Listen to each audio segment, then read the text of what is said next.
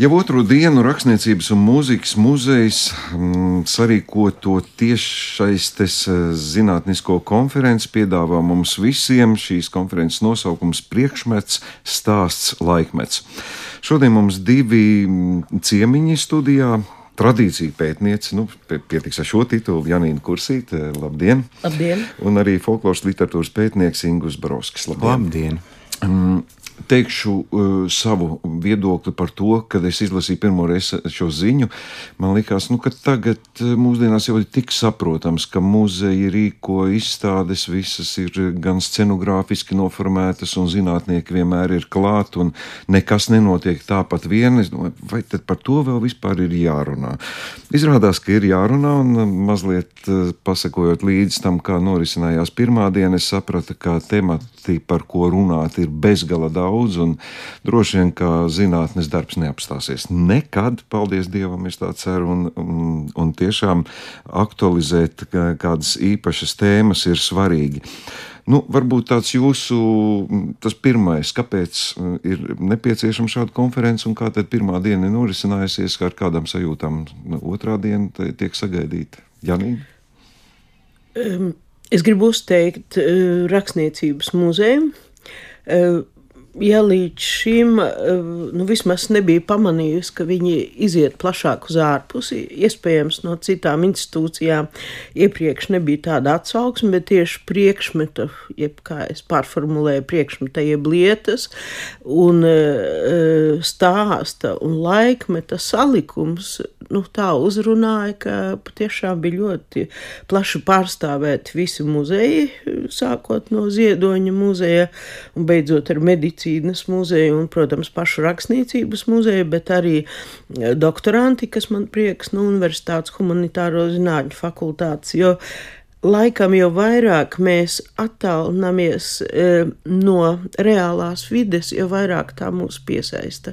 E, līdz šim e, nu, bija jau arī rakstnieku priekšmetu stāsti, bet tik reliefi, kā pat diskusija izraisījās. E, Ingus man palīdzēja, kurā referātā, un mani paši piesaistīja par imanta ziedoņa portfeli, kas tika nodots rakstniecības muzejām, un pēc tam tikai atverots, nezinu, kā tā, vai atvēra un aizvēra, konstatēja, ka tur ir e, uzsākts un nepabeigts, laikam, kā es sapratu, nepabeigts ziedoņa romāns par e, Pēteru Upīti, ceriņu, ceriņu mūsu lielo meistaru nu, tādas lietas, kur liekas, e, rakstnieks būtu jānodala no tā, kas viņam apkārt lasīsim to, ko uzrakstīs, bet te e, lietas palīdz atklāt un padziļināt un ieinteresēt tieši par to, ko rakstnieks vai mākslinieks ir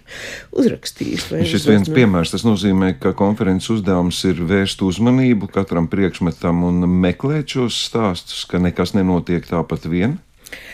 Jā, e, jo man, mans referāts bija par e, ekspedīciju lietu stāstiem. Un e, pašai atceroties, kā mēs sākumā vācām dzīves stāstus, vācām folkloras, un tie teicēji, kas to mums stāstīja, vai arī parādīja vecus darbarīkus, ko neizmanto, bet tie vecie darbarīki sākumā mums vēl arī dāvināja, mēs kaut ko vedām uz fakultāti, kaut ko dāvinājām muzejiem vecais darbarīgs bez stāsta, kas ar to saistās, viņš ir, ja ne nedzīvs, tad tāds e, akadēmiski neuzrunājošs. Un tieši lietu stāsti paver interesi mūsdienās. Mm. Ingus, jums ir arī temats, kas bija diezgan specifisks. Varat uh, atklāt, par ko jūs runājat? Jā, uh, savulaik, kad es pats sāku strādāt muzejā, es atradu, nu, laikam jāsāk ar to, ka priekšmeti muzejā nenokrīt kā no zila gaisa, un tos apstrādā mākslas eksperti, lai tie nonāktu krājumā. Un tobrīd es biju arī mākslas eksperts un apstrādāju šos Alberta Otvera materiālus. Viņš bija absolūti maz pārstāvēts ko kolekcijās krājumā, un tajā brīdī man šie priekšmeti piesaistīja iesaistījies, bet tur aizsūtīja Janīnai ar jautājumu, kas tas ir un ko tas uh, ir nozīmējis. Un uh, tad, kad sāka gatavot šo konferenci, uh, man laikam nebija ilgi jādomā, kā atcerējos uh, nu, šo ļoti specifisko personību, kas savulaik ir bijis visnotaļ uh, nu, brīvvalsts pirmā laikā ļoti pat zināms, uh, gan dievturis, uh, gan arī rakstnieks, gan arī viņa mēģinājumi zinātnē. Un tajā brīdī es sāku domāt par šiem viņa priekšmetiem, kas ir saglabājušies. Kā jau es arī referātā laikam pieminēju, vizuālā antropoloģija runā par to, ka fotografija ir iekonservēts laiks, kur pēc, at, nu, pēc pagājuša laika var uh, izdarīt secinājumus par uh, realitāti. Un līdzīgi arī ir priekšmeti, pārfrazējot šo apgalvojumu, arī priekšmets pēc laika ļauj rekonstruēt ne tikai personu, bet tas ļauj rekonstruēt arī kultūru uh, kontekstu.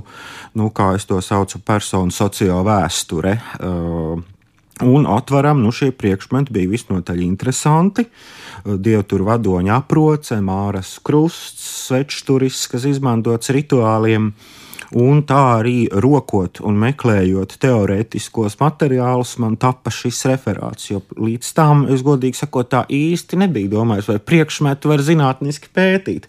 Var pirmajā brīdī, kad ierakstā mm, meklētājā kaut ko par priekšmetiem, man tur izmeta materiāla zinātni, kas ir pilnīgi cita nozare. Eh, bet, eh, nu, kā jau es minēju, priekšmets kā mm, kultūra vēstures, kā personas vēstures rekonstruētājs. Jo mums taču ir īpaši priekšmeti, kas mūs raksturo. Piepilstot vēl pie Janīnas teiktā, ekspedīcijās arī ir bijis, eh, bijusi situācija, ka tur vecs rādio stāv plauktā. Nu, varētu domāt, nu, kāpēc glabāt vecu rādio? Un ar papildinājumu, ar stāstu, kas nāk tam radio klāt, izrādās, ka tas ir kaut kas īpašs, kas iezīmē šī radio īpašnieka savukārt vienu būtisku dzīves posmu, vienu notikumu dzīvē, vēsturē, cilvēku vēsturē. Tās ir arī briesmas, es domāju, kas būs tālāk. Arī ar mums pašiem briesmas. Um, krāt priekšmetus, jo gandrīz katram priekšmetam ir kāds stāsts. Un, ja ir labs stāstītājs, tad par katru priekšmetu var pastāstīt stāstu.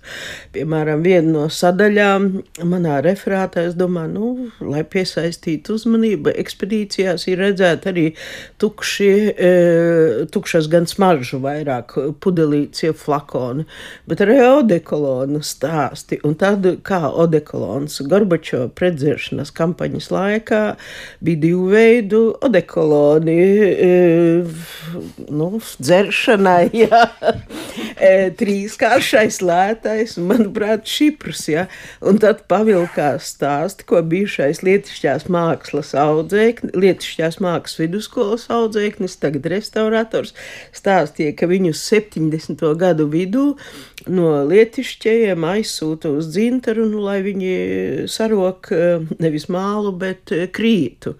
Un viņus iesūta telpā, tur nu, tā, tas droši vien krīts, un, un, mm -hmm. un, un tas bija vajadzīgs zobpastai. Man liekas, pomorīns, jeb kādu tur ražoja. Viņi saka, kā viņi roka tā tukša sodekolona podulīt, cik pa solim, nu, tie strādnieki, kas tur to dzinterā ražo, odekolonu smaržas izdzeru un met tai, tai krīta masā un tie tur nogrimst. Nu, reizē šis stāstiņš ir par lietišķajiem, reizē tas ir par laika garu, tas gan, redz, 70. jau nav Gorbačo laiki, dziļais Brežņeva laiku, bet Tas rāda, ka tomēr tā odekolona dzeršana reizē e, flakons ir lieta, jeb ja priekšmets, un reizē, kā lai saka, lietu var izdzert, lietu var pataustīt. Vēl kas ļoti svarīgi liekas mūsdienās, e, mēs īpaši pa covid laikiem esam atraduši pieskarties viens otram, citu citam, un arī lietām. Un varbūt tāpēc tieši šai konferencē bija tāda atsaucība. Cilvēkam gribas pieskarties taktilās izjūtas, un, un no tā nevar izbēgt. Tāpat kā vēl viens stāsts, ko Dana Naunika, Saimas sabiedrisko attiecību biroja vadītāja vietniece, viņa bija gatavojusi izstādi pirms vairākiem gadiem par Jāzepu Rancānu, eh, saimas pirmskara prezidija eh, locekli, bet reizē arī, kas tūlīt pēc kara bija trimdā eh, prezidenta vietas izpildītājs. Viņa gāja intervēt katoļu virsvadību, un izējot, viņa saka, es pamanu kādu tādu interesantu krēslu veclaicīgu prasa, un viņai atbild, jā, ka padomu laikā krēslus no augstākās padomes toreiz metā ārā, un vēl kaut ko baznīca savāca, un cik es zinu, janvārī vai kaut kad jaunā gada sākumā svinīgi tiks atdots atpakaļ saimai un saglabāts. Tas arī ir gan stāsts par Jāzepu Rancānu, gan par pirmskara saimu, kuru 34. gadā pārtrauc apvērsums, un, un līdzīgi tas ir stāsts par mūsdienām. Jā, jums tādi pāris ļoti spilgti piemēri, protams, izraisa arī emocijas man dzirdot to un pieminot. Tomēr, klausoties arī Ingus, jūsu teiktajā, jums izraisīja nu, tādu jaunatklāsmi un interesi šī pieskaršanās vienai personībai. Man rodas jautājums, vai konferences ietvaros neparādās tas, ka ik viena priekšmeta stāsts viņš var tikt arī turpināts, jo kontekstā ar mūsu laiku arī šie stāsti var bagātināties. Jo, piemēram, nu, ja Janīns piemērēties Nu, pieņemsim, cilvēks, kurš dzēra odekolo, un varbūt viņam šobrīd rodas veselības problēmas. Nu, es tā brutāli varbūt. Vai parādās tāda, ka, ka šie stāsti ietekmē arī kaut kādā veidā mūsu laiku attieksmi pret tā laika? Tas nav tikai viens pieskāriens vēstures notikumam, bet viņš konkrēti arī mm, kā, mm, nu, ir attiecināms arī uz mūsu laiku.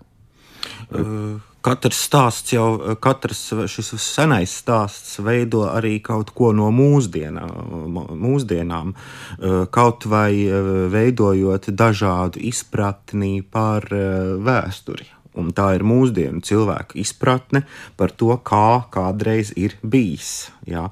Vai tā mūsu izpratne ir pareiza šobrīd, vai mēs pareizi interpretējam konkrētus priekšmetus, jo sevišķi situācijās, kad nav saglabājies nekas rakstisks, kad ir tikai konkrēta lieta, to mēs nevaram īsti zināt. Un, protams, ka ir iespēja, ka kādā brīdī atklājas kaut kas no jauna un faktiski viss visa mūsu šī brīža interpretācija sabrūk, uh, mainās.